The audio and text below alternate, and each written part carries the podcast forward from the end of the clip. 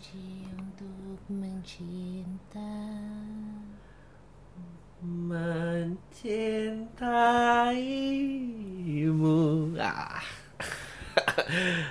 Eh, sama Adriano Kalbi di sini dan lo semua lagi dengerin podcast awal minggu untuk tanggal eh tanggal 19 September 2016.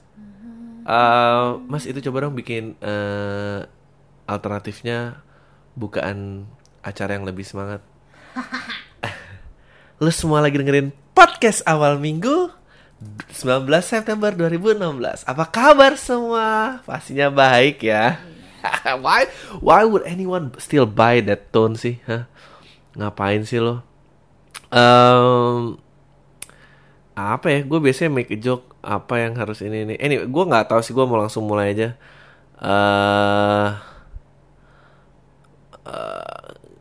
um, thank you yang buat udah datang ke datang ke mana kan Eastern Promise. Uh, nonton gue stand up uh, if you guys wanna see me again tanggal dua apa? If. If iyalah kan gue aku kan nggak bisa berharap mereka pasti datang. Eh, iya, aku tuh lama-lama nggak percaya loh kayak angka di SoundCloud dan di YouTube tuh ada 2000 orang, 2000 people listening to this shit gitu. Aku rasa tuh bohong deh, itu pasti di jack up. Karena yang dengerin kamu Everybody is like angry person Jadi mereka kayak males keluar rumah dan segala macam Mungkin ya. Em, gue akan ada di Hello Fest eh, Sabtu. Hello Fest apa Hello? Eh, oke Hello Fest d- d- yang bikin tuh Hello Motion di JCC. Eh, gua sama Aryo em, either jam 5 atau jam 6 gue masih belum pasti. If you guys wanna show up, uh, we'll be talking about um, vlog dan podcast vlog Aryo lah yang ngomong gue ngomong podcast gue ngomong vlog gue ngomongin podcast sama uh, YouTube konten yang kita bikin bareng. Uh, gue nggak tahu kenapa mereka manggil gue kesannya kayak udah sukses aja padahal mah padahal mah nggak ada. Atau mungkin mereka butuh pembicaraan yang nggak ada budget nggak ada budgetnya. Itu sih. Eh, terus apa lagi ya? Em, eh gue akan main lagi tanggal 1 Oktober di distrik Cipete Raya eh, acaranya gratis. Yang main ada gue Ben Danio dan Regi acaranya gratis yang penting lo pesan makan pesan minum please pesan yang banyak. Kan tuh tanggal muda tuh karena sistemnya bagi hasil sama gue. So please lah don't don't don't be a douche. Uh, alasan ina ini ina itu karena eh yang lo dengerin joke berkualitas kan yang lo ini. So gue mesti dapat lah beberapa. Jadi lu jangan cuma mau dengerin kualitas tapi nggak mau bayar duit.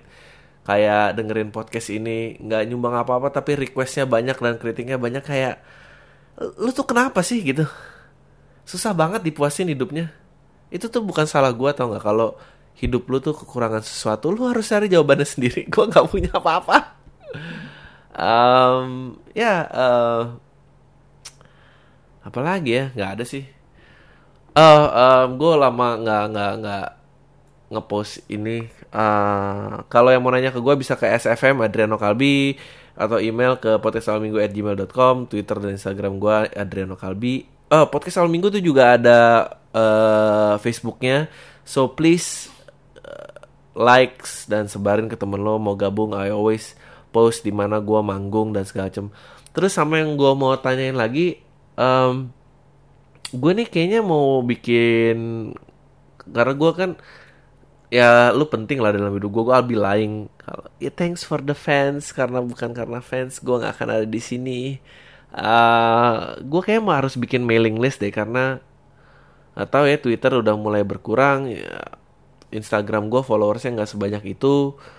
Yang pengen jadi mailing listnya kayaknya uh, apa email aja deh ke podcast awal minggu dengan uh, pengen join mailing list gue pasti akan posting paling mailing list isinya gue nggak akan nge-spam dan nggak akan apa sih gue cuma paling ngepost tentang gue manggung di mana dan apa Cause Um, yeah, nothing makes me happier performing jokes in front of you guys. Ya. Mwah. Sekali. Gua I try to make it as sincere as possible ternyata susah. Eh ya gitu. Pokoknya intinya biar nggak nggak nggak kehilangan hubungan lah dengan kalian. Abis gue bingung udah nggak ada emang harus bikin ladang sendiri lah. Eh apalagi gue mau bahas apa ya? Tidung tidung. Um, Hai, pokopang. Pokopang. Pokopang tuh apa sih kan? Gak tahu kayaknya game. Ya. Aku nggak main.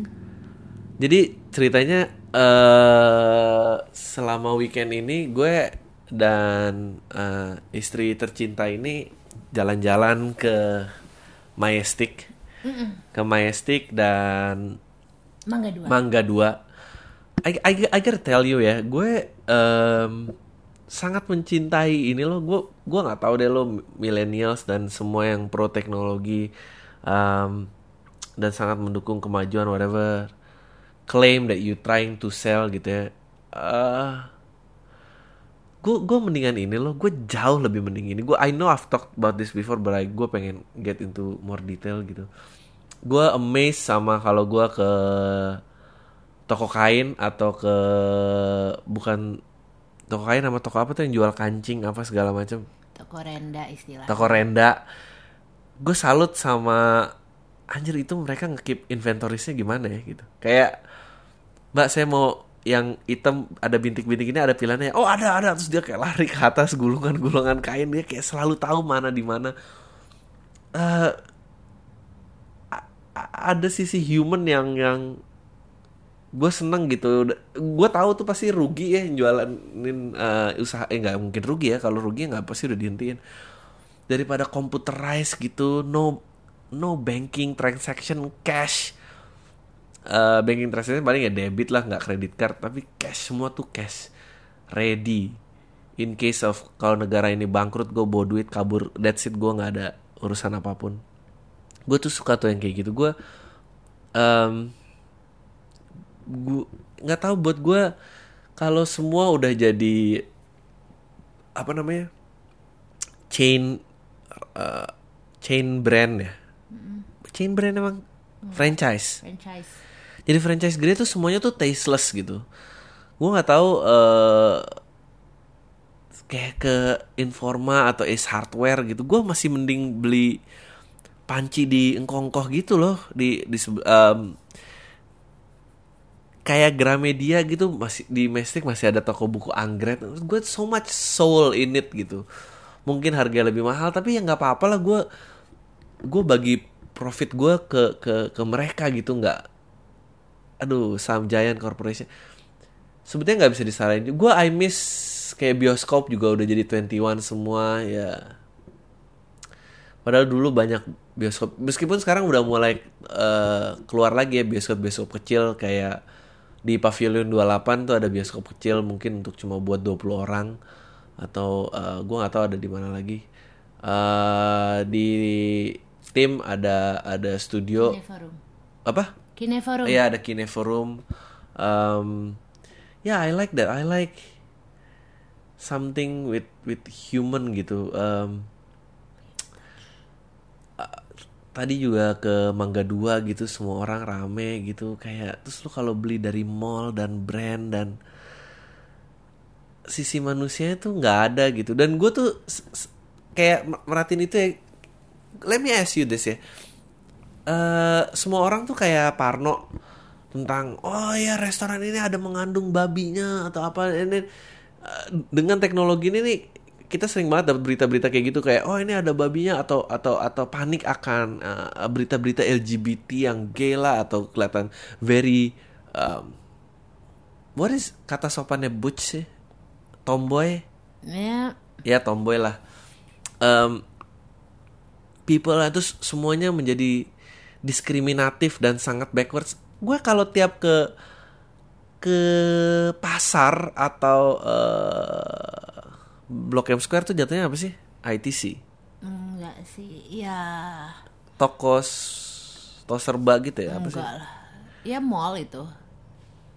mall tapi Ya ya, pokoknya Buat- Blok M Square masih punya. mid Kayak low mid mid kayak keanekaragaman tuh selalu ada gitu. Gue tuh bingung kalau tiba-tiba sekarang tuh jadi jadi apa isu pemecah bangsa gitu. Kayak anjing dari dulu kayak gitu kali. Dan dan kita tuh biasa aja gitu ya. Ada yang restoran yang jualan babi ada yang enggak ya. Lu juga nggak cuma makan di situ aja. And then you always have that uh, pelayan yang yang yang laki tapi manis banget atau cewek yang kayak cowok banget.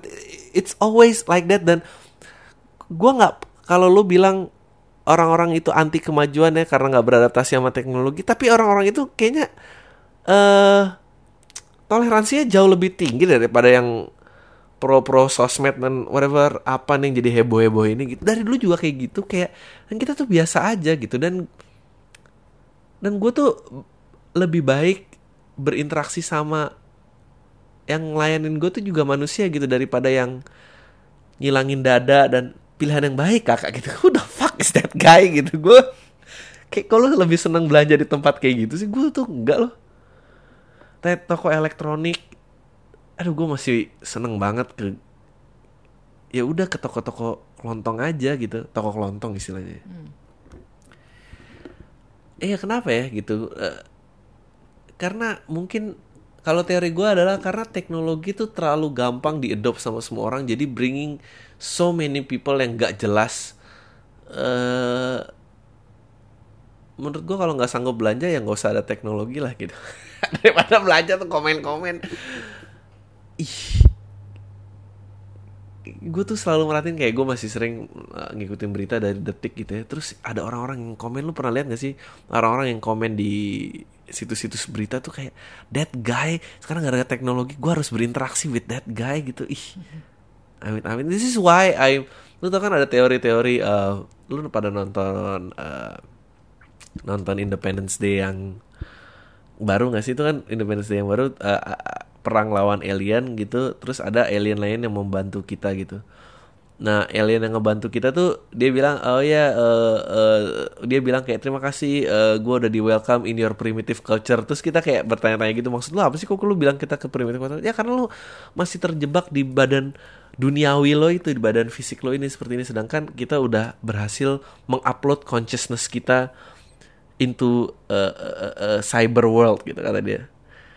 Ih gue tuh anjing kalau kita bisa upload conscious kita ke cyber world ya itu orang yang komen di detik.com itu ntar dia juga ikut tau gak loh yang aduh gue nggak mau orang itu ikut gitu. Lagi juga kenapa sih?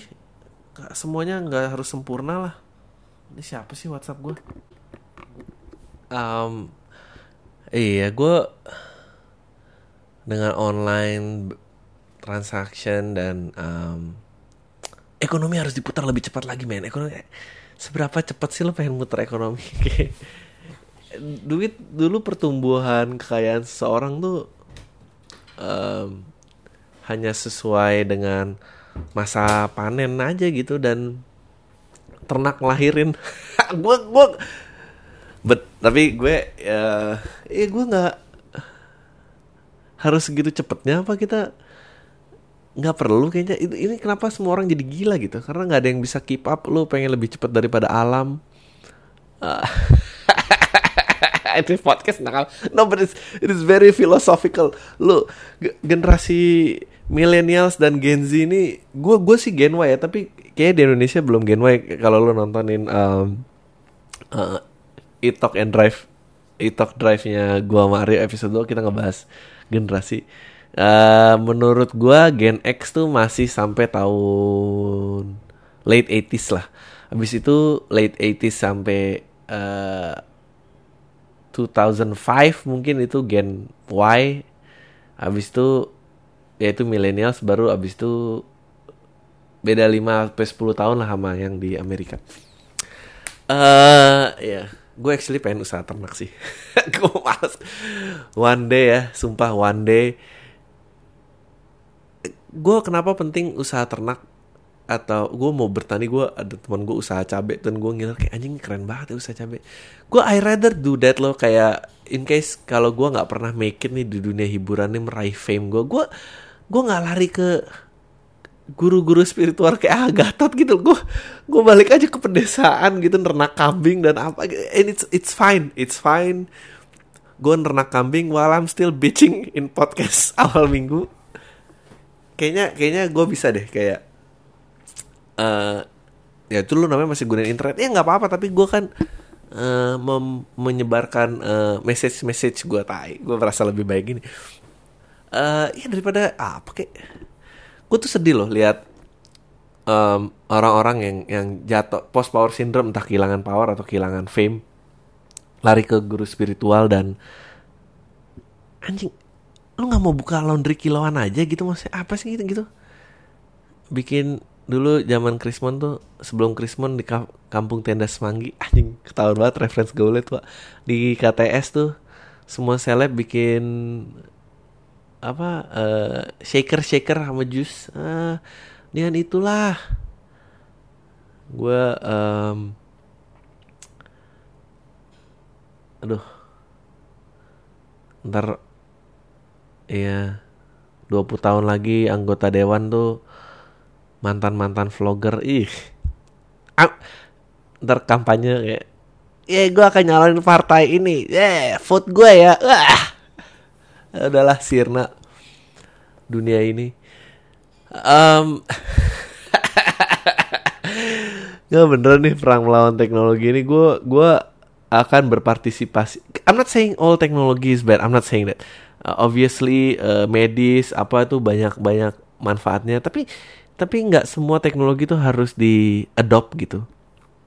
Um, plus uh, ngomongin kayak orang yang kerja langsung punya toko terus ada karyawannya yang punya tuh ikut turun itu kesejahteraannya jauh lebih baik gitu. Kayak tadi makan gitu kayak ya udah yang layanin ada yang uh, manis kayak gitu ada yang sangar kayak gitu. Tapi semua orang tuh cuek aja tuh. Nggak nggak ada kehebohan kayak di sosmed. Dan uh, owner-ownernya juga yang penting lu kerja. Nggak nggak prejudis gitu. Apa sih? Dan gue gue sangat percaya ya. jadi gue ngeliatin gitu gue merhatiin. Yang paling heboh kan nih uh, Gojek, Uber, apalah Gojek, Uber dan uh, uh, apa sih satu lagi tuh? Grab membawa pekerjaan buat banyak orang. Oh iya real, oke. Okay. Tapi statusnya tuh yang dibawa pekerjaan tuh hanya buat melayani orang gitu.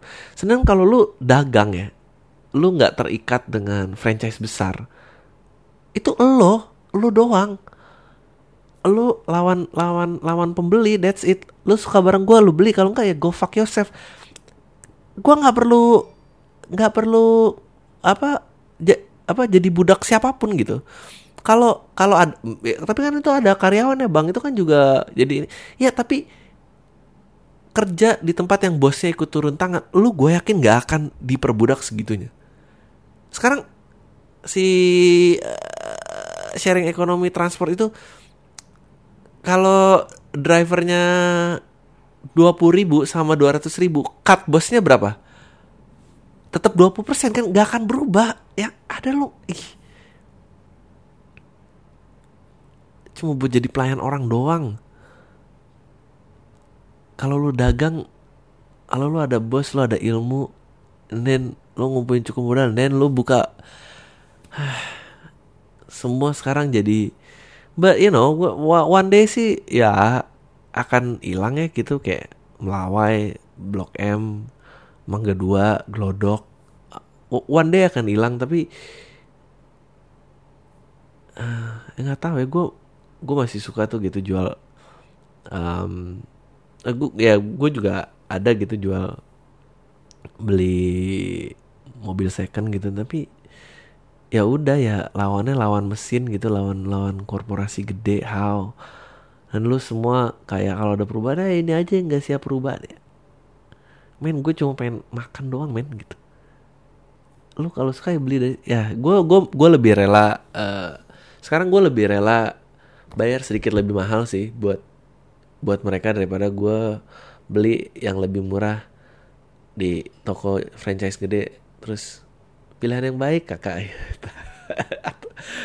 gue tuh lihat pelayan Carrefour gue kantornya ada di mall ya, pelayan Carrefour itu tiap jam 10 pagi kalau baru buka dia joget-joget dulu tuh yang biar pada semangat dan makin cinta sama pekerjaannya. How?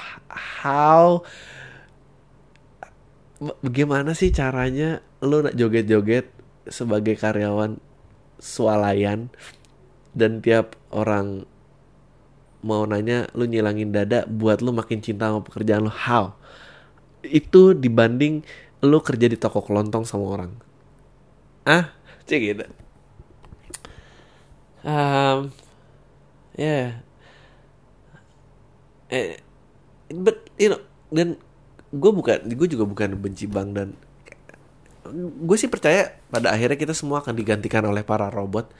Um, gue kemarin daftarin uh, ada buka account baru buat istri gue gitu. Terus kan kita ke customer service kan. Terus satpamnya bilang kalau antreannya banyak kalau cuma buka tabungan aja sekarang kita ada mesin yang menghandle untuk buka rekening loh. Ya, ntar akan ngeprint out buku sama kartunya. Sih like ini bentar lagi ya bentar lagi nih si customer service nih out gitu dan padahal dia investasi seumur hidupnya sekolah, SD, SMP, SMA, kuliah, perbankan. Terus ya udah gone gitu dengan mesin gone aja. Aku lagi cerita tentang bahwa ya ini tuh emang buat dapetin profit segede-gedenya aja apa uh, bank aja tuh kemarin kita mau buka account bank. Sekarang pembukaan akun perdana udah bisa dilayani dengan mesin. Itu iya. customer service-nya kan ntar lagi berarti out tuh dia nggak difungsiin lagi gitu. Padahal orang itu investasi hidupnya sampai kuliah perbankan loh. Terus mesin datang and then that's it gitu. Terus orang itu suruh apa adaptasi jadi apa? Ah ntar paling yang tersedia ya gojek grab gitu. Anjing orang udah jauh-jauh berpendidikan. Sedih ya? Sedih. Aku makan ya iya. Enak. Aku mau juga makan ntar nih.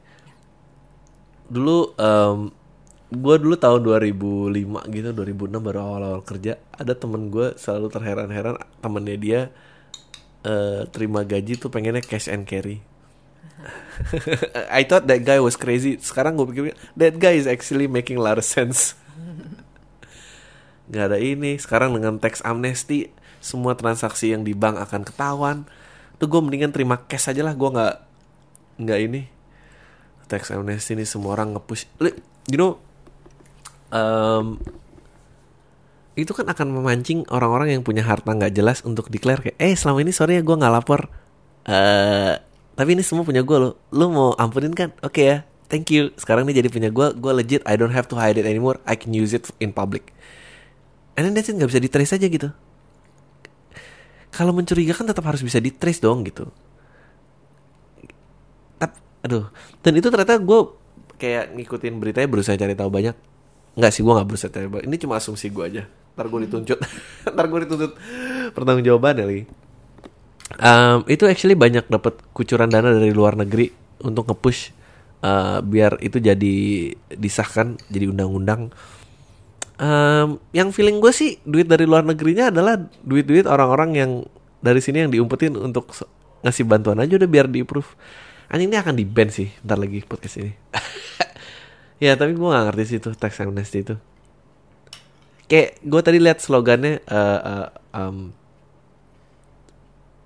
uh, apa uh, catat uh, uh, uh, periksa periksa periksa laporkan lega ah ngapain harus ada lega? Itu di aim kepada koruptor banget gak sih? Jadi habis itu ya lo lega gitu. Kok lega sih? I get nothing to hide. Apa gitu? Ini jok perpajakan gue kayaknya akan bisa lebih panjang lagi sih.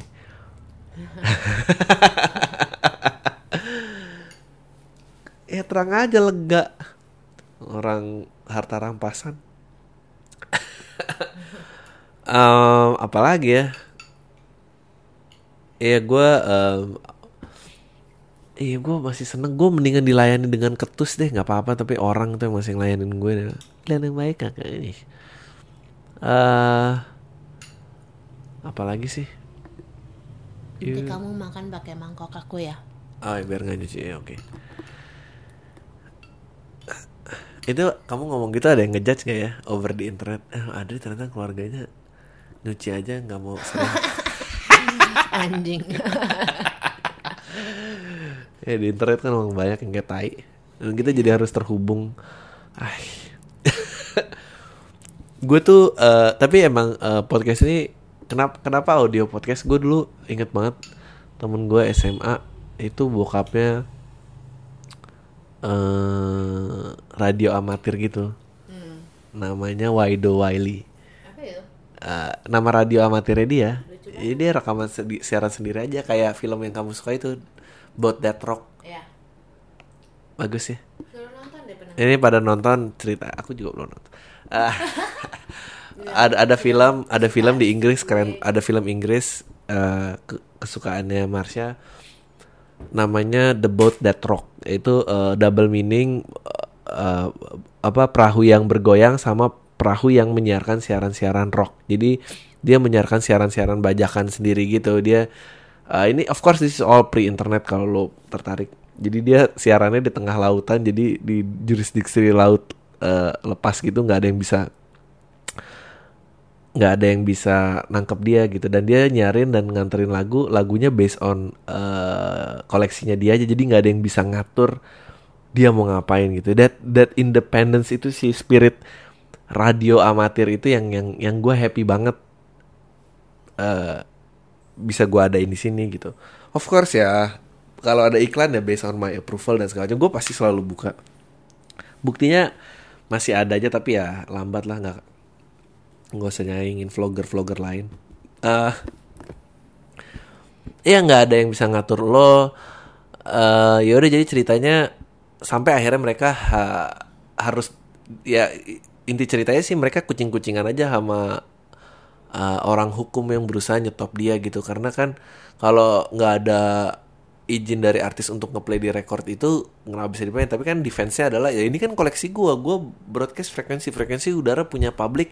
Kenapa gua harus dilarang gitu? Pokoknya ya kayak gitu. Dan ya gua kemarin juga ngomongin like lu pikir eh, internet eh gue juga belum ketahuan sih ini karena mediumnya masih jarang aja eh, SoundCloud dan di Indonesia. Kebetulan juga kayak SoundCloud bukan bukan Amerika ya. Em, apa Amerika tahu gue salah. Ya pokoknya intinya jarang. Kayak kayak Twitter kemarin gue sempet nge-tweet em, dia baru nutup sekitar 300 ribu account lebih di US. Em, dan YouTube sekarang sensornya makin diperketat gitu ya. Ya pertanyaan gue adalah ya oke lah ada yang ofensif ada yang nggak ofensif. Ada ada, yang ofensif oke di di blok it's it's fine. Tapi yang nggak ofensif terus ke blok gimana? Nah terus YouTube dan Twitter tuh siapa gitu? YouTube dan Twitter kok kok lu jadi jadi lu menjadi sensor menjadi sensor sih? Uh, of course gue setuju dengan pengga- penggageto pengkageto eh, pengkategorian konten per per usia dan segala macam. Tapi YouTube dan Twitter siapa? Yang ada tuh lu lu milih yang ada lo mendeklar apa lu meresmikan dictatorship tanpa lu pernah voting lo. This is even lebih mengerikan daripada demokrasi. At least dengan demokrasi kalau lu eh, milih diktator aja itu lu masih milih loh. Sekarang kalau YouTube dan Twitter tuh nggak dipilih udah dia aja gitu yang sortir sortir ya gue gila dan penggemar penggemarnya ya kan? Apa?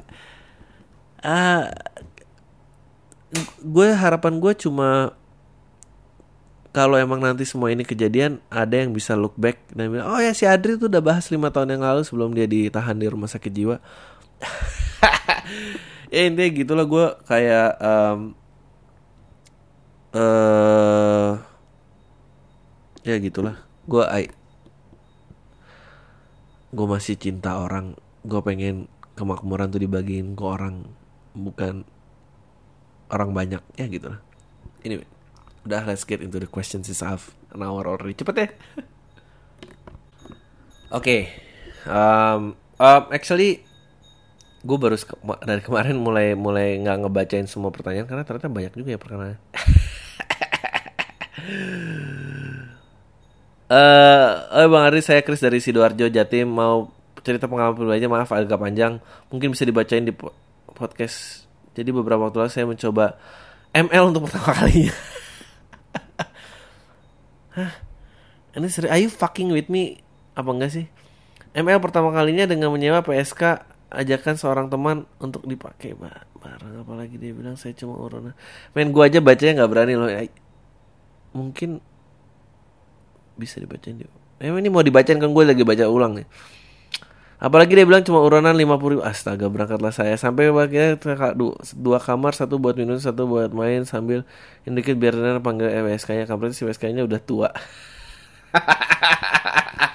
Ya lu gimana? Ini ini parah banget ya. Masa ada yang gitu Aku kira tuh Dia em, eh bercanda. Soalnya pakai dia nyebut nama. Mau ngapura ini maaf agak panjang dia mencoba ML untuk pertama kalinya nyawa PSK ajakan seorang teman. Apalagi dia bilang saya cuma urunan 50 ribu. Ya berangkatlah saya tai banget. Sampai tempat di- dia ada dua kamar satu buat minum satu buat main. Terus abis itu biar enak kan dipanggil si PSK eh kampret si PSK udah tua. Ya lu juga patungan 50 ribu. Ngarep apa? mengharap apa gitu? 50 ribu tuh temen lu berapa? Kalau lu cuma 10 orang kan 500 ribu.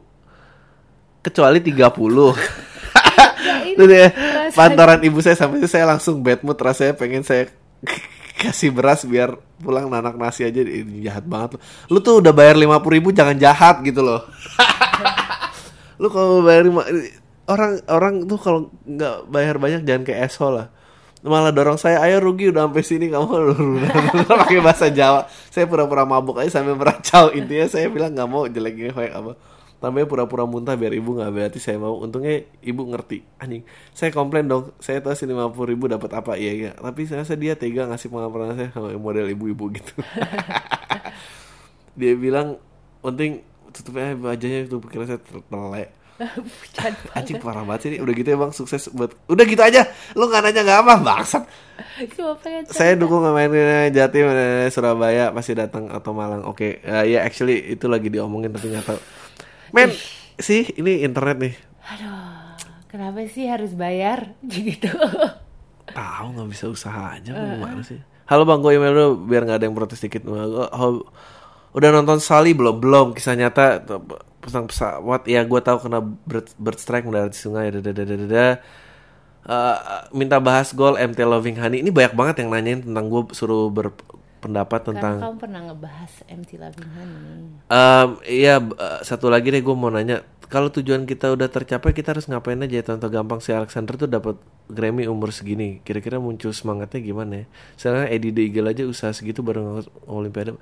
Em, tujuan kita udah kecapai kita harus ngapain lagi? Makanya anjing nih i- i- this is will get philosophical. Eh, MTF Living Honey ntar dulu gue bahas. Pertanyaan lo gue lu gue jawab. Em, makanya lo harus do it for love sih. Cik gitu bukan demi tujuannya. Duh. Nggak, tapi emang gitu kan? Aku masih ketawa sama yang bayar. iya tai banget nih orang nih. Tapi gue suka emailnya. Em, ya lo harus pakai cinta sih.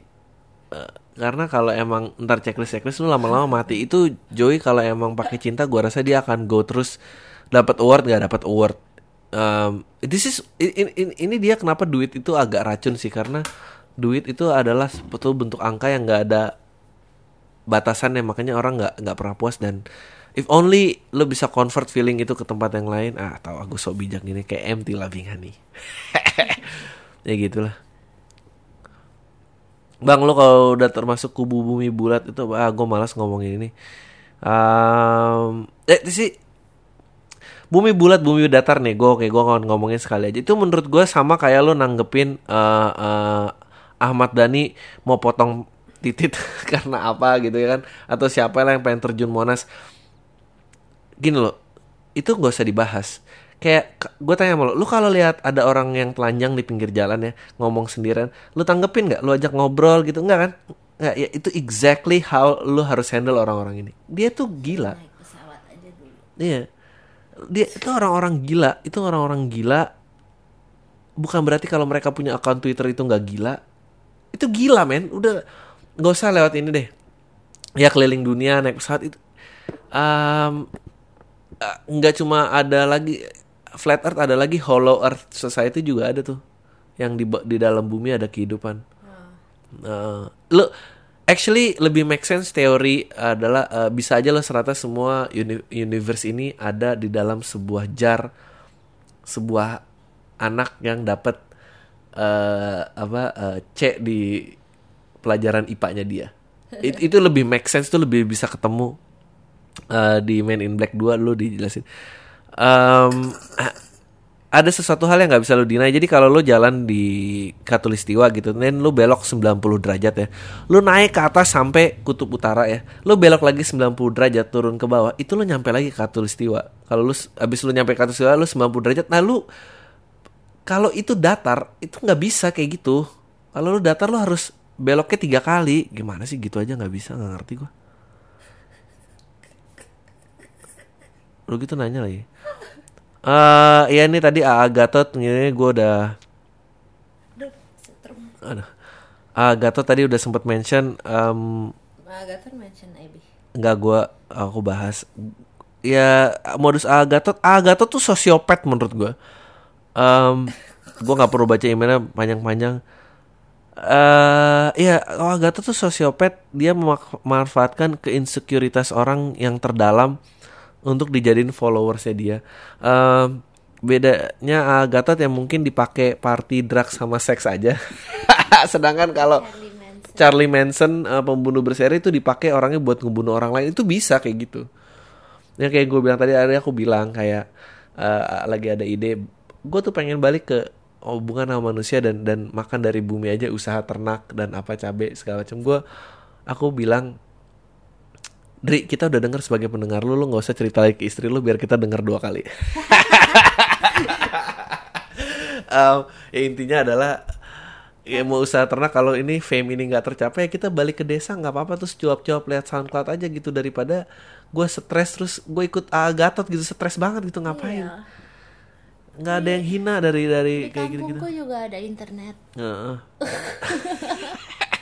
Maaf ya ngulang keluar masuk soalnya. Iya gitu A Gatot. Ya A Gatot kayak gitu tuh sosiopat lagi A Gatot. That guy eh ya tapi gua kemarin ngobrol juga sama Mas Maman eh, ya inilah ternyata dia punya dia yang punya statistik itu hampir 50% em, selebriti dan bahkan politisi itu memiliki guru spiritual. Which is, sebetulnya gue sih tertarik training apa yang mereka lakukan bisa lakukan untuk nipu orang itu sih yang nggak? Karena I always appreciate a good scam. Gue nggak masalah sama tuh gue yang masalah yang mau ngikutin orang. Ya Aga tuh sosiopat sih. Saya Aga dari Semarang saya sering dengerin podcast ini. Menurut saya podcast ini mengena banget bang. Oke. Makasih. Sorry gue sendawa. Dengar dari mana sih? basa basi langsung. Bang menurut abang pacaran itu pantasnya umur berapa? Alasannya kenapa pertanyaan lagi tingkat kesulitan stand up bahasa Inggris tuh kayak gimana? Dadadada Eh, nggak baca bagian show di Semarang dong. Dadadada. kami tunggu eh gimana caranya? Hashtag tai super.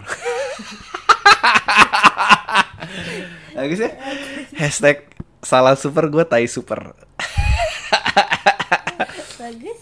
bagus. Em, pacaran pantasnya nggak tahu ya pacaran pacaran kalau bisa sih ya kalau udah berdewasa tapi kalau enggak ya nggak apa-apa. Eh, Pat- 15. 15 lah ya. 15 alasannya kenapa ya? Alasannya em apa ya alasannya? Ya lu udah mulai ada ketertarikan dengan siapa lu mau tertarik dengan siapa gitu. Kalau sebelum itu kan lu tidak punya ketertarikan itu jadi sebetulnya nggak ada alasan untuk pacaran. Itu aja sih. Iya. ya gue nggak tahu how, how to make Aku mendukung orang pacaran dari Eh, umur segituan loh biar lengkap pengalaman hidupnya sampai akhirnya.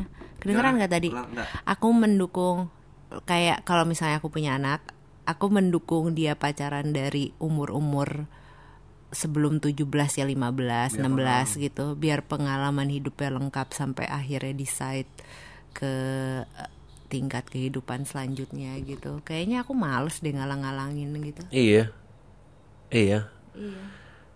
Eh, tapi ya hubungan seksualnya mendingan udah dewasa sih Iya, kalau itu kalau itu balik ke eh, pribadi masing-masing lah banyak spektrumnya soalnya masalah. Iya banyak banyak spektrum ya kedewasaan em, eh, ya kedewasaan pasti tanggung jawab segala macam. Eh, kedua kalau belas-belasan gitu ada resiko mati kan? Apa? Iya, Ya, iya. Ngeri ntar kalau mati gimana? Eh, terus eh, ya ya banyak eh, kerugiannya lah. Eh, maksudnya itu perlu Iya. kedewasaan banget lah. Sama sama ini. Tapi lo harus ingat kalau eh, ketika lo decide untuk misalnya melakukannya setelah menikah gitu, itu sama aja kayak eh kamu beli mobil nggak pakai test drive. Astaga. Kamu beli mobil nggak pakai test drive, kamu beli gitu ya? Kan nggak nyicil nggak apa dong? Ya, misalnya Ah, namanya iya, nikah kan iya. langsung tunai gitu dibayar lunas gitu kan? ya. Emang terus mau kamu apain? Mau kamu balikin mobilnya kan enggak? Nggak, tapi itu pilihan orang juga. Apa? Kita jangan encouraging people. No, I'm just giving a perspective. Ya, ya, Itu kayak beli mobil nggak test drive. ya, ya. ya. Iya, Kalau- mau, mau lo balikin gitu kan nggak mungkin. Iya, iya, Iya. gua iya. Dan dan test drive jangan patungannya kayak yang tadi. Iya. Eh, eh, nggak usah dibaca nama gua nggak ada yang kenal juga. Dada dada, maaf agak panjang. Gua ngerti apa Semua orang tuh pengen curhat sama kamu. Um, gue nggak pernah ngerti dan peduli apa pun nama passion. Nah, gue habis nonton dokumenter tentang Do- Tom DeLonge, um, vokalis gitarisnya Blink 182, hiatus sampai 2005 gara-gara dia main cabut tanpa alasan. Dokumenter juga jelasin bentuk band sendiri Angels and Airwave, bla bla bla. Oke, singkat cerita, Travis Barker dia mengalami. Travis Barker, drummer Blink 182 mengalami kecelakaan pesawat. Abis itu dia eh ya dia ke mana-mana tinggal naik mobil gitu kan gak nggak mau naik pesawat lagi terus 2015 dikabarkan Tom cabut lagi permanen sudah digantikan Muhammad Skiba dan, dan- dan- oke yang mau gue tanyakan adalah apa itu yang namanya passion dia itu udah nemu diri sendiri sampai nggak butuh orang lain berkarya apa emang harus menjadi idealis kaya seperti itu menurut abang gimana? Menurut gue rese sih bang kalau menghambat orang lain berkarya jadi album ketunda-tunda gitu. Cek Em, kepanjangan ya ini gue udah singkat-singkat. Tamu Jaka Adi ya ditunggu ya ntar dulu. Eh Jaka Adi lagi cari jawab bandnya mereka menurut gue em, kalau udah profesional band itu gue rasa nggak akan ada sedrama band-band yang kayak lo mau cabut dari kita? Ya gue mau tinggalin band ini anjing lo emang. Kita bisa survive. Kayaknya nggak hampir udah nggak ada deh drama band itu kalau skala besar itu. Apalagi em, pada akhirnya menurut gua kalau lo berkarya atau lo ini lo ada maturity yang em, lo nggak mau discuss itu sama orang lain lagi gitu. Makanya gue bikin band baru atau gue solo atau apa. Karena bertiga emang em, dulu Red Hot Chili Peppers juga menurut gue ya gue sering pakai referensi Red Hot Chili Peppers. Sebelum si gitarisnya si Josh Klinger ini masuk mereka tuh salah satu band yang menurut gue empat orang yang becomes one voice gitu. Dan tapi Frusante udah pengen move on ke tempat yang lain terus mau apa gitu loh. Ya kalau ngambat ya itu resikonya lah. Jangan jangan ngeband ya gitu sih. Ya nggak bukan ada ada passion. Gue rasa akan ada ego ada bu- bukan not in a bad way ya gitu. Sama kayak ah, lu pengen ngelakuin sesuatu tapi lu harus diskusi dulu sebelum ngelakuin sesuatu. Itu itu nggak enak lama-lama. Atau coba referensi musiknya dilebarin lebih dari Blink One itu. ya dan dan dan banyak dan jarang kayaknya orang-orang siapa? Dev Girl pun bandnya banyak. Eh, ini pun lo Dave Grohl banyak, Jack White, Jack White banyak projectnya um, Kills. ja- jarang gitu yang berempat sampai mati. Em, ya ya paling Rolling Stones makanya itu juga spesial. Eh, ya tapi ya ya gitulah. Jadi nggak ada ya gua rasa eh, pada akhirnya kalau lu nggak bisa bilang satu orang tuh hanya satu hal gitu pada akhirnya semua hal yang kecil-kecil itu membuat orang itu ya kayak gitu. Ya sama lah kayak gue gue cek gue apa lagi ya gue masih pekerja advertising. Kamu lumayan berisi podcastnya. um, gue stand up po- podcast uh, and, and those things tuh makes who I am aja. Uh, passionate ya passionate lah gitu. Ya iyalah passionate. Ini passionate banget orang nggak untung kok gue jalannya. Bangsat Bang, sebutnya nama gue Kevin, gue mau nanya jauh di pang ya, bla bla bla. Gue udah punya cewek bang, pacaran hampir 4 tahun. Kebetulan temen gue sebut saja Siti. kenal sama cewek gue. Tapi akhirnya ini si Siti sering ngechat dan nge-DM gue di Instagram. Dari mulai minta cariin pacar, cariin yang mirip sama gue kepribadiannya, sampai curhat-curhat masalah cowoknya. Ci, gue dari awal malas nanggepinnya.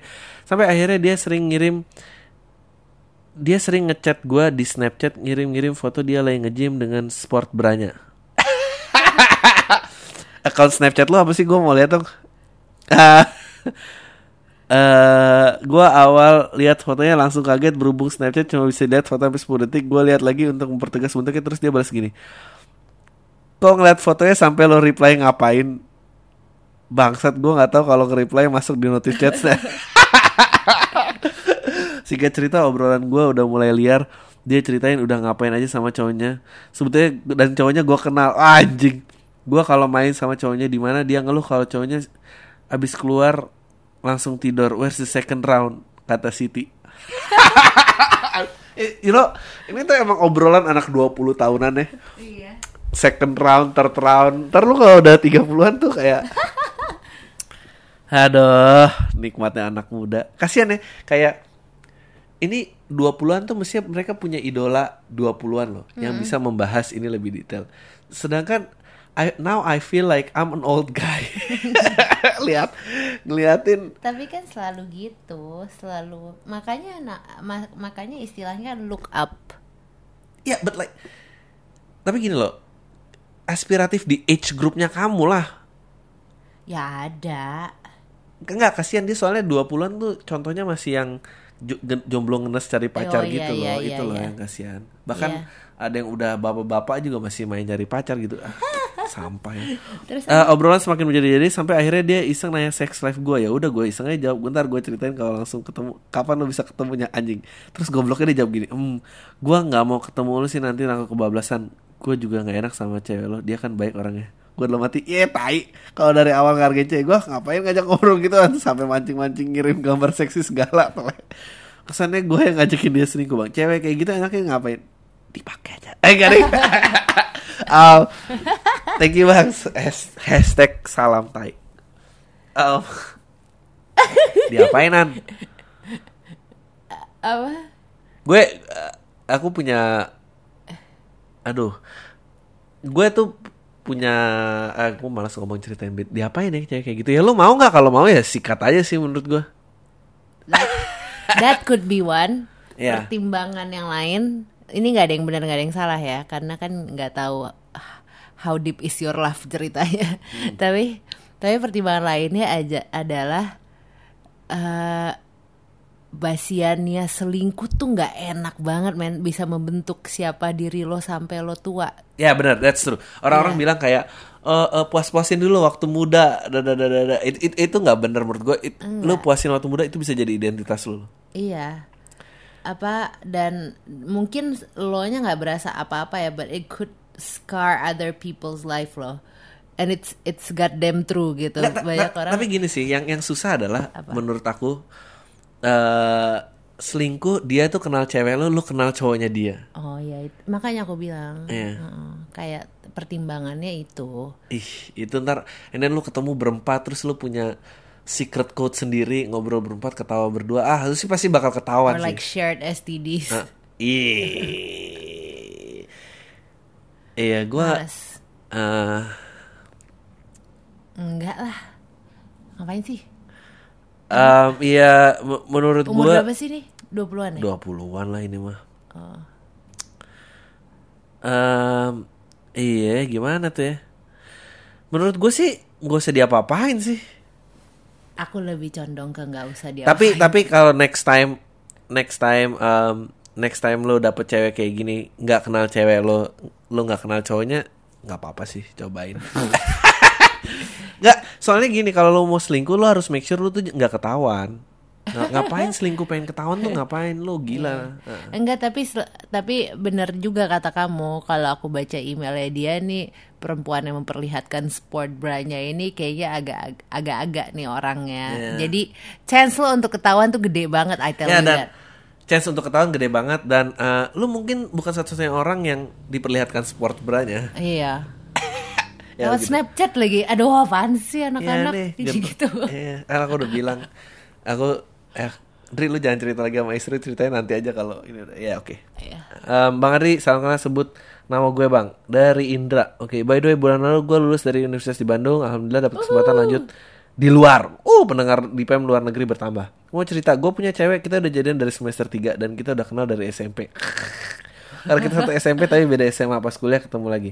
Cewek ini cukup perfect lah bagi gue. Ini cukup perfect ini pasti ada tapinya nih. Tapi dia orang bener kan. Tapi dia orangnya posesif banget. Pernah satu kali waktu gua pergi futsal dia sampai nah nanyain tempat futsal itu ada cewek lain apa enggak. Terus sering banget ngecekin HP gue tiap ketemu. Dan pernah gua sampai dia nung ngecekin HP gua bang tiap kali ketemu.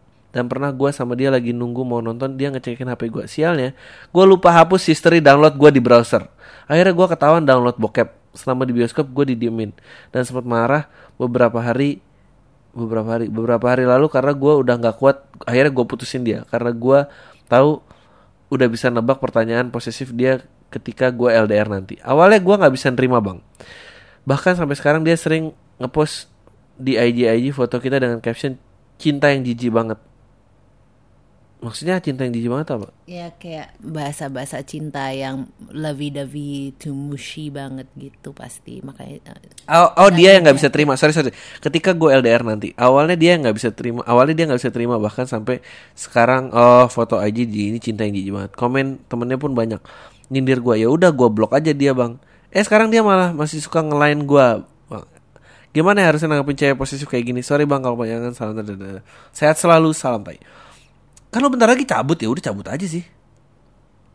ya buat aja tapi ya gua nggak tahu problem perempuannya apa problem lu Iya, apa ya lu udah tapi bener sih menurut gua putusin. secara universal itu red flag sih Iya, itu red flag banget sih. kalau gue jadi lo maaf ya nih perempuannya kalau denger kayaknya enggak ya dia minta nyebutin nama kan tadi kalau gue jadi lo sih gue putusin Iya, iya itu red flag banget sih. Um, enggak lah you don't wanna be with someone Iya, like iya. that Ngelain-ngelain gitu diemin aja. Ngelain posesif gitu enggak kecuali dia ngelainnya ngirim sports bra.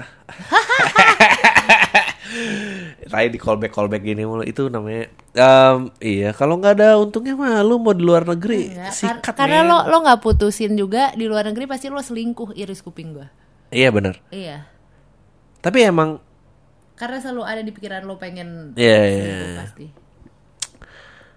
em, iya ntar lu bisa lu pakai deh kalau lu udah ketemu orang baru kayak sumpah ya kamu tuh beda banget loh sama mantan aku. Mantan aku tuh ya. Perhatian banget. Hmm, terlalu perhatian kalau kamu tuh pas ya. Cewek. Halo Dri, menurut lu sampai mana sih batasan kita support sama karya seseorang kepribadiannya si pekarya tersebut? Kemarin sempat Mayweather versus Pacquiao orang antipati sama Mayweather karena dia ada kasus mukulin istrinya, padahal nggak ada hubungannya sama skill tinju dia. Yang terbaru sih lewat film DPU-nya A.A. Gatot yang bilang kita nggak harusnya nonton film seorang child molester, walaupun karya mungkin nggak cocok, tapi apakah Oh ini keren banget pertanyaan. Tapi apakah dengan nonton berarti kita support dia? Secara nggak langsung memberikan pembenaran terhadap kasus-kasus dia. Ribet amat dah. Mau dapat hiburan aja dulu mesti politically atau socially correct dulu. Eh, thanks atas jawabannya. Semangat terus buat konsistensinya ya. Eh dari udah ya.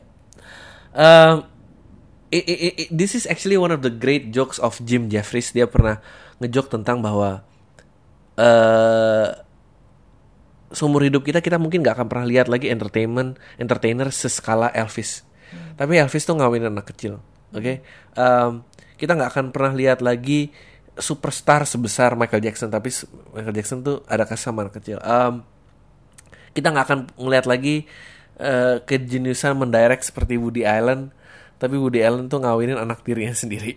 Eh, Yang yang mungkin eh, itu just to shut her up biar nggak di nggak dituntut perbuatannya. Em, apakah kita itu harus mendukung karya? Gini, kalau A.A. Gatot sih gue nggak peduli sama karyanya dia. Menurut gue sih, em, ya menurut gue pilih-pilih. Tapi kalau terus joke-nya adalah, men, joke-nya dari dia, dia bilang, eh jadi orang tuh batasannya harus setenar apa sih baru kita give a pass untuk behaviornya dia gitu. Eh gue nggak tahu ya, gue juga sendiri nggak suka em, kalau gua nikmatin karya orang, gue nikmatin karya orang sih. I- aku nggak sortir-sortir kayak gitu. Ih dia kan ini gini gini gini. Kecuali ya kayak Mario Teguh Hmm. atau A Agim motivator atau atau penceramah agama orang itu berhak dijudge based on value hidupnya. Karena itu yang mereka preach. Makanya makanya lu menurut gue sih eh makanya lu tuh jangan ngikutin orang karena dia ngomong apa sih. Lu ngikutin orang karena dia ngasilin apa sih. Itu itu bedanya sih kayak lainnya di situ. Eh, ya ya gue juga bingung gitu. Lu kecewa sama sama Mario Teguh gitu ya dengan masalah kasus. Gue nggak tahu apa yang bener dan ini segala macam lu mestinya lu tau nggak paling kecewa sama siapa? Lu mestinya kecewa tuh sama diri lo gitu. Masa lu termotivasi aja butuh orang sih? Gue nggak gue nggak ngerti yang kayak gitu-gitu. Iya. Em, at- at- atau mau, mau Ini filmnya Agatha tuh lagi ada ya di Nggak ada. Agatha tuh filmnya saking jeleknya lucu banget kan kamu harus nonton Iya, Oh. iya maksudnya to put it simply pertanyaan dia kalau dia nonton itu berarti ngedukung Dukung Agatha tuh. Makanya aku bilang. dukung value-nya mungkin indirectly ya Iya. nggak langsung tapi dukung iya i- dia iyalah duitnya ya kalau dukung Gatot iya duitnya gitu. masuk ke dia juga dari film tapi itu. ya, ya, kalau aku kan ya gue seneng nikmatin karya orang gue nggak bisa ya, musiknya Michael Jackson tuh bagus gitu ya dia mau gimana ya menurut gue dia harus diadili atas kesalahannya tapi karyanya ya gue aku actually Ini dia umurnya centennials ya yang kamu bahas sama Aryo. enggak enggak harus ada cause harus. Nah ya itu ya tentang cost. Ini- This is how maniac your your husband is actually. Aku nggak believe cost di atas art. Oh, Um, oh iya iya iya. J- jadi dulu ceritanya zaman eh, Renaissance gitu diatur sama pemerintah arsitektur, pelukis, pelukis yang pelukisan yang boleh keluar itu yang punya value hidup mendalam. Arsitektur itu yang didukung yang hanya mendukung behavior manusia sampai akhirnya teori itu runtuh. Art should be the represent art itself. eh aku tuh pendapat sama eh, Queen juga salah satu ini. Queen waktu itu dia berantem sama eh promotornya si, si- who's that guy yang nyanyi? I don't like Monday tell me ya Bob Geldof. Bob Geldof bikin eh apa tuh yang gede banget? World Aid. Oh, ya tahu. ya, ya pokoknya tentang Ya. AIDS dan apa. Ya. itu Queen adalah satu-satunya eh, band yang menolak untuk tampil di situ disuruh Bob Geldof. Karena dia nggak percaya cost di atas musiknya dia dan the way dia bisa jadi kenapa dia bilang kayak gitu? Karena dia musiknya Queen tuh di atas. Terserah deh lo tetek bengek lo tentang AIDS dan kemiskinan orang gitu. Which is, which is dia tuh bener banget gitu. Em, karena gue sebel banget sama artis-artis orang artis-artis yang bilang punya cost lebih besar itu biasanya eh, eh, eh, eh, embel-embel yang dibawa itu jauh lebih besar daripada kualitas karyanya entah apa pun deh entah entah eh, eh, tentang kebangsaannya atau em, eh, eh, kemiskinan atau apa itu akhirnya costnya jauh, jauh lebih gede sensasinya daripada kualitas karya itu sendiri gitu. Hmm. eh dan bukan berarti em, buka, dan bukan berarti musik nggak punya nggak boleh punya tujuan lebih besar boleh gitu tapi eh musiknya pasti akan lebih di, harus apa yang lu buat itu harus di atas segala-galanya sih. Gue percaya itu sih. Tapi itu gue ya gitu. Em, iya. Menurut gue katro sih. Kalau message lu lebih gede daripada karya lu tuh lu kayak berlindung di balik. Sebetulnya lu nggak punya skill untuk buat karya lu segitu besarnya. I believe if kalau ya gitu. Apa sih lagu yang bagus? Emang lu mau gue belum pernah denger ada orang yang lagu favoritnya tuh We Are the World. Nggak ada pasti. Lu pasti lagu favorit lu yang ngewakilin feeling lu lu nggak mungkin. We Are the World. We Are the apalah. Iya. Gue percaya karya di atas segala-galanya sih. Gue ng- paling um,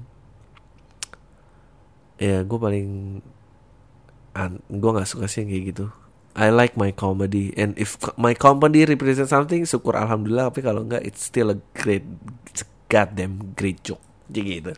Oh iya Bang Adri yang ketara segini aja. Tahi Gue bener Gue harir. Bener kata lo bang Jangan pernah kirim foto bugil Apalagi kirim ke pacar lo. Soalnya dulu ada temen gue kampus Cewek setelah putus dari cowoknya Beberapa hari kemudian Facebooknya dihack. Dan yang ngehack nge-share foto-foto bugilnya doi. Aku Astagfirullah. pernah kayak gitu. Iya? Mm-mm. Sen banget ya Pertanyaan gue bang Menurut lo orang yang suka ngepost foto setelah workout Atau nge-gym itu punya tendensi se- Sering foto bugil gak? gak, gak ada.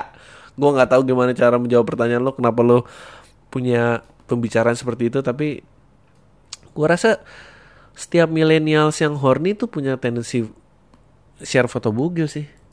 Sesimpel itu.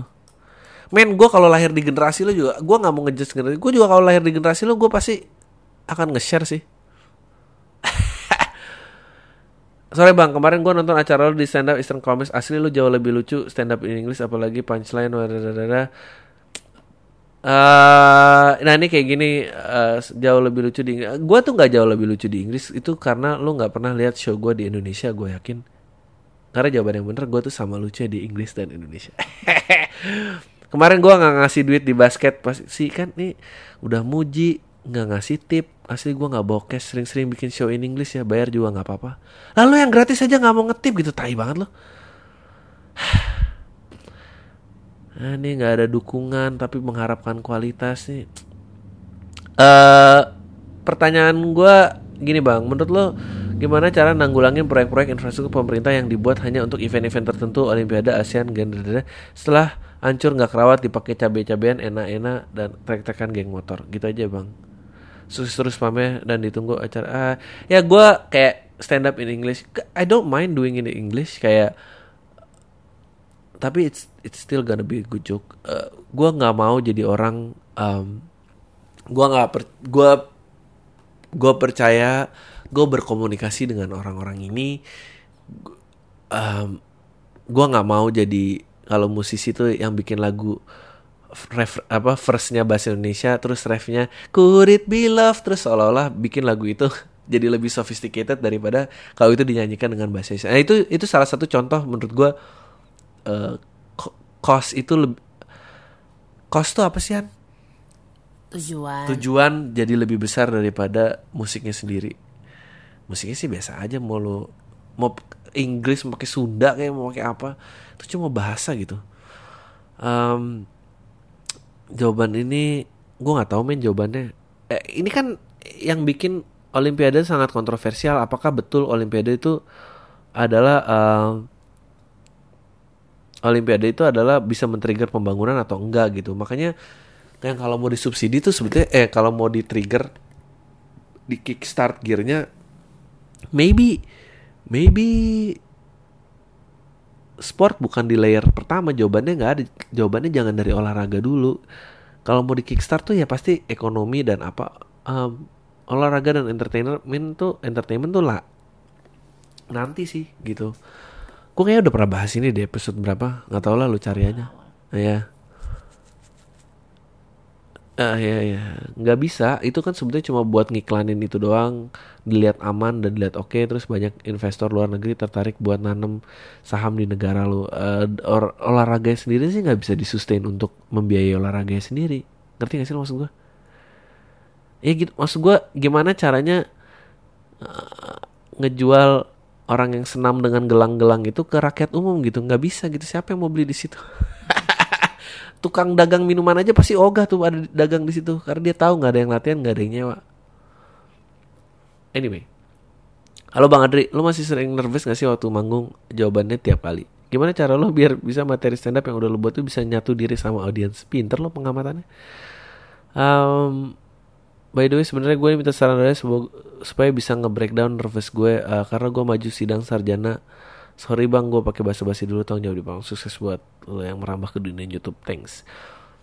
Eh jawabannya gue nervous. Gue akhirnya mulai ber- belajar untuk berteman dengan nervous aja sih. It's just who I am and then bukan berarti eh bukan berarti gue harus ikutin gitu ya. Takut takut aja. And you can always take a pause dan apa maaf ya saya gugup maaf ya saya ini coba saya dengarkan di mengertikan dengan baik itu sih interaksi sama penonton jangan dilepas Dan gue rasa presentasi pun juga sama. Gugup ya, take ownership aja lu gugup. Um, tinggal dijalanin lagi. Maaf ya gue ngomongnya agak cepet karena pertanyaannya agak banyak dan gue berusaha nggak pengen sejam lebih lama banget. Um,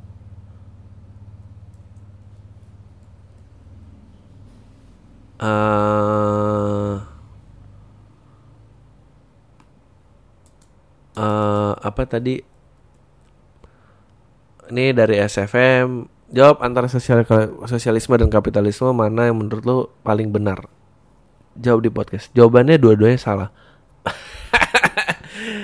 um, gini loh, capitalism itu bukan social construct. Capitalism itu duit lu nyari duit to capitalize.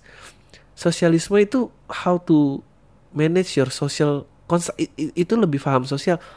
Kapitalisme tuh nggak ada moral kompas ya soalnya semua based on profit. Semuanya harus merge sih menurut gue. Uh, ya gitulah pendeknya. Ini jawabannya panjang banget sih. Jawabannya dua-duanya salah, dua-duanya udah usang. Um, it's time for human to move into something new dan kembalilah ke manusia dan buminya. Gue percaya itu bukan kepada robot dan teknologi. Cai. Bang, menurut lo pemakaian bahasa Indonesia yang benar sama pentingnya dengan pemakaian bahasa Inggris yang benar nggak? Ya sama lah pentingnya. Alasannya apa? Alasannya biar lo bisa berkomunikasi dengan baik, lo dihargai sebagai manusia, pemikiran lo ditransfer dengan di, dan diterima dengan baik. Um, it's just language, people. Um, yeah. Gue yakin banget kayak lagu yang bagus itu akan selalu lagu bagus akan transcend semua culture barrier dan apa film pun juga gitu semua bentuk kesenian pun juga gitu Dream misalnya lo sekarang interview kerja perusahaan yang pada umumnya bukan dunia kreatif dan lingkungan kerjanya lumayan kok. Gimana jawaban lo ketika ditanya kelebihan dan kekurangan Anda versi lo? Anjing, jawab dia ya. Coba uh, Bapak bisa menceritakan kekurangan dan kelebihan Bapak yang kira-kira bisa dikontribusi terutama dengan kelebihan sekiranya mungkin bisa dikontribusikan terhadap perusahaan ini Bapak. Ah, kelebihan saya banyak omong. Lingkungan kerja mungkin nggak akan bosan ada saya. Men nggak tahu men gue udah lama uh, bukan dunia kreatif kekurangannya apa ya? Uh, uh, uh, kelebihan gue mungkin I always get the job done. I work well with anyone. Bahasa Inggris saya lancar. Masih ada gak sih kayak gitu? Ya kayak gitulah dari jawab di podcast dong drag side-nya kerja di agensi iklan tuh apa aja sih selain soal klien dan lemburan? Uh, memperbodoh masyarakat. Uh, apa lagi ya? Itu paling nggak ada dark side-nya um, dark side-nya apa ya? Nggak ada sih. Um, oke okay, in a way uh, lo buat iklan perbodoh masyarakat tapi what I like about working di agency adalah uh, lo mencuri uang dari korporasi you steal their money that's that's what I like cause the enemy adalah korporat anyone who stole their money itu baik nggak ada men sorry Bang, kata lu jangan hidup demi orang lain, tapi kalau hidup demi calon mertua gimana bang? Kes masih belum terpenuhi semua syarat dan ketentuannya bang. Ah, menurut gua ganti mertua aja lah. Kasian lu kalau kayak gini aja udah susah, hidup lu pasti jauh lebih susah nantinya. Beneran deh. iya gak sih? Oh iya, iyalah. Ngapain sih? Kalau emang uh, pacar lu juga cinta ya lari aja lah nggak apa-apa. Ya, tapi ini loh uh, banyak yang diusahain untuk mertua tuh dalam taraf normal atau lo nya aja yang males. Ini calon mertua masalahnya. Oh, calon mertua. Iya, iya itu tapi, dalam taraf normal atau enggak? Iya, iya, kayak kalau kayak lu punya uh, misalnya calon pasangan lo adalah S1 terus calon mertua lo menuntut kesetaraan dalam pendidikan ya itu kan bagus. wajar wajar. Ha. itu normal menurut gue. Tapi kalau kayak kesamaan gaji atau dan karir kalau itu... kayak jangan nikahin anak saya sebelum kamu punya mobil padahal lo masih umur 21 gitu belum. Ya kalau bentuknya material susah sih. Jangan jangan, jangan sih. Nah, jangan sih. Tapi kalau kayak saya pengennya kamu nggak pengangguran ya ya ya lo emang harus kerja gitu. Iya. Iya kalau iya gitu. gitu aja sih Mario Teguh apa apa tadi udah gue bahas uh, motivator dan itu tuh menurut gue berhak dijudge. Ya rasain aja lah menurut gue siapa suruh banyak omong tentang golden rules whatever fuck that he's talking about.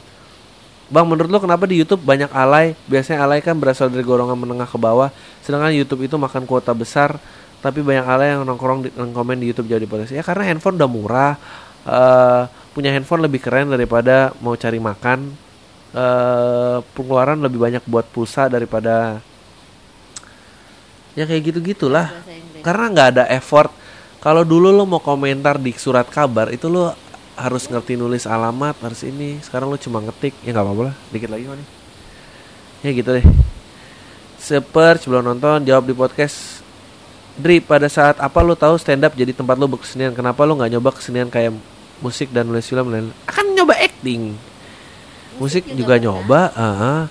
um, tempat gua berkesenian karena nggak ada filter lagi sih itu aja sih tapi kalau you know gue tuh nggak suka lo menaruh seolah-olah beban berat di karya dan kesenian. Anything yang keluar dari manusia itu udah karya dan kesenian sih. Um, cara orang berdagang pun itu pun berkesenian menurut gue sih. Cuma ya karena nggak ada pedagang yang jadi seleb tweet kan lo ogah aja tuh jadi vlogger. ya kayak gitu. Dari gimana caranya Aiki jadi sponsor uh, buat vlog lo dan Aryo ceritain dong lo kirim proposalnya gimana jawab di podcast. Uh, enggak sih kita nggak ngirim apa kita di approach actually kita nggak uh, ngarep uh, datang secepat ini sih uh, ya bagus lah udah start making money um, ya gara-gara episode satu aja sih. Abis itu it, it speaks for itself and then semua orang kayaknya mulai banyak yang ngomongin. Terus uh, kita di approach udah itu aja. Tuh habis itu jadi deh. Karena sebetulnya kita nabung dua peluru yang kita bikin sendiri. Ternyata peluru kedua ya belum dikeluarin ini udah dapet. So ya we'll see lah. Biasanya sih kalau yang depannya lancar belakangnya nggak bertahan lama. Ya podcast ini bertahan lama bang misalnya diminta saran sama temen pas dia lagi curhat soal percintaan solusi yang dikasih murni berdasarkan opini dari pengalaman pribadi yang sifatnya sesuai dengan etika dan norma masyarakat yang ada apa yang nggak peduli norma etika tapi sesuai dengan prinsip pribadi. Jawab di podcast anjing kenapa harus norma masyarakat di bawah-bawah? Lo pengen cari sensasi ya? Yang yang sesuai dengan pengalaman aja lah dan sesuai kebutuhan. Um, iya gitu. Ah sorry gue singkat-singkat. Uh, gue nggak tahu problemnya apa-apa nih problemnya? Soal percintaannya kawin lari gitu. Ya kalau emang pada cinta sih ya kawin lari aja nggak apa-apa.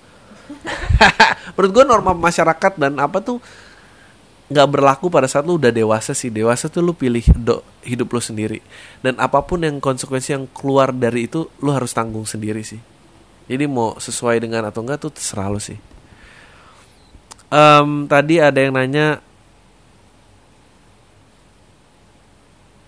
um, mana ya? Benar ya dikit lagi uh, bang gue udah ngedeketin cewek nih udah sebulan. Kemarin dia buka playlist lagu gue kaget kalau gue suka musik metal dan terus lihat foto gue pernah gondrong. Dia bilang ngomong aku pikir kamu anak baik-baik terus ngindarin gue. Yang begini tetap gue pertanyaan aja apa lepas ya? Lepas lepas men. Itu orang nggak tahu apa yang di uh, cari. Uh, menurut gue lu nggak boleh ngelihat masa lalu orang yang lu lihat dari detik itu ke depan. Um, uh, kecuali punya histori penyakit. No ya itu kan masalah orang jadi gimana dong? Hmm. um, dan men kalau cewek yang lu kejar itu standar anak baik-baiknya itu adalah anak baik-baik dan enggaknya itu adalah orang gondrong dan musik metal aduh itu generasi tahun berapa ya mendingan cari yang ngirim-ngirim sport berat tadi. Lah, Dri lu udah callback tiga kali gitu udah masih. Ya udah, itu aja dari gue. Um, I'll see you guys Wednesday ya. Iya, akan ada tamu. Tyler semua deh.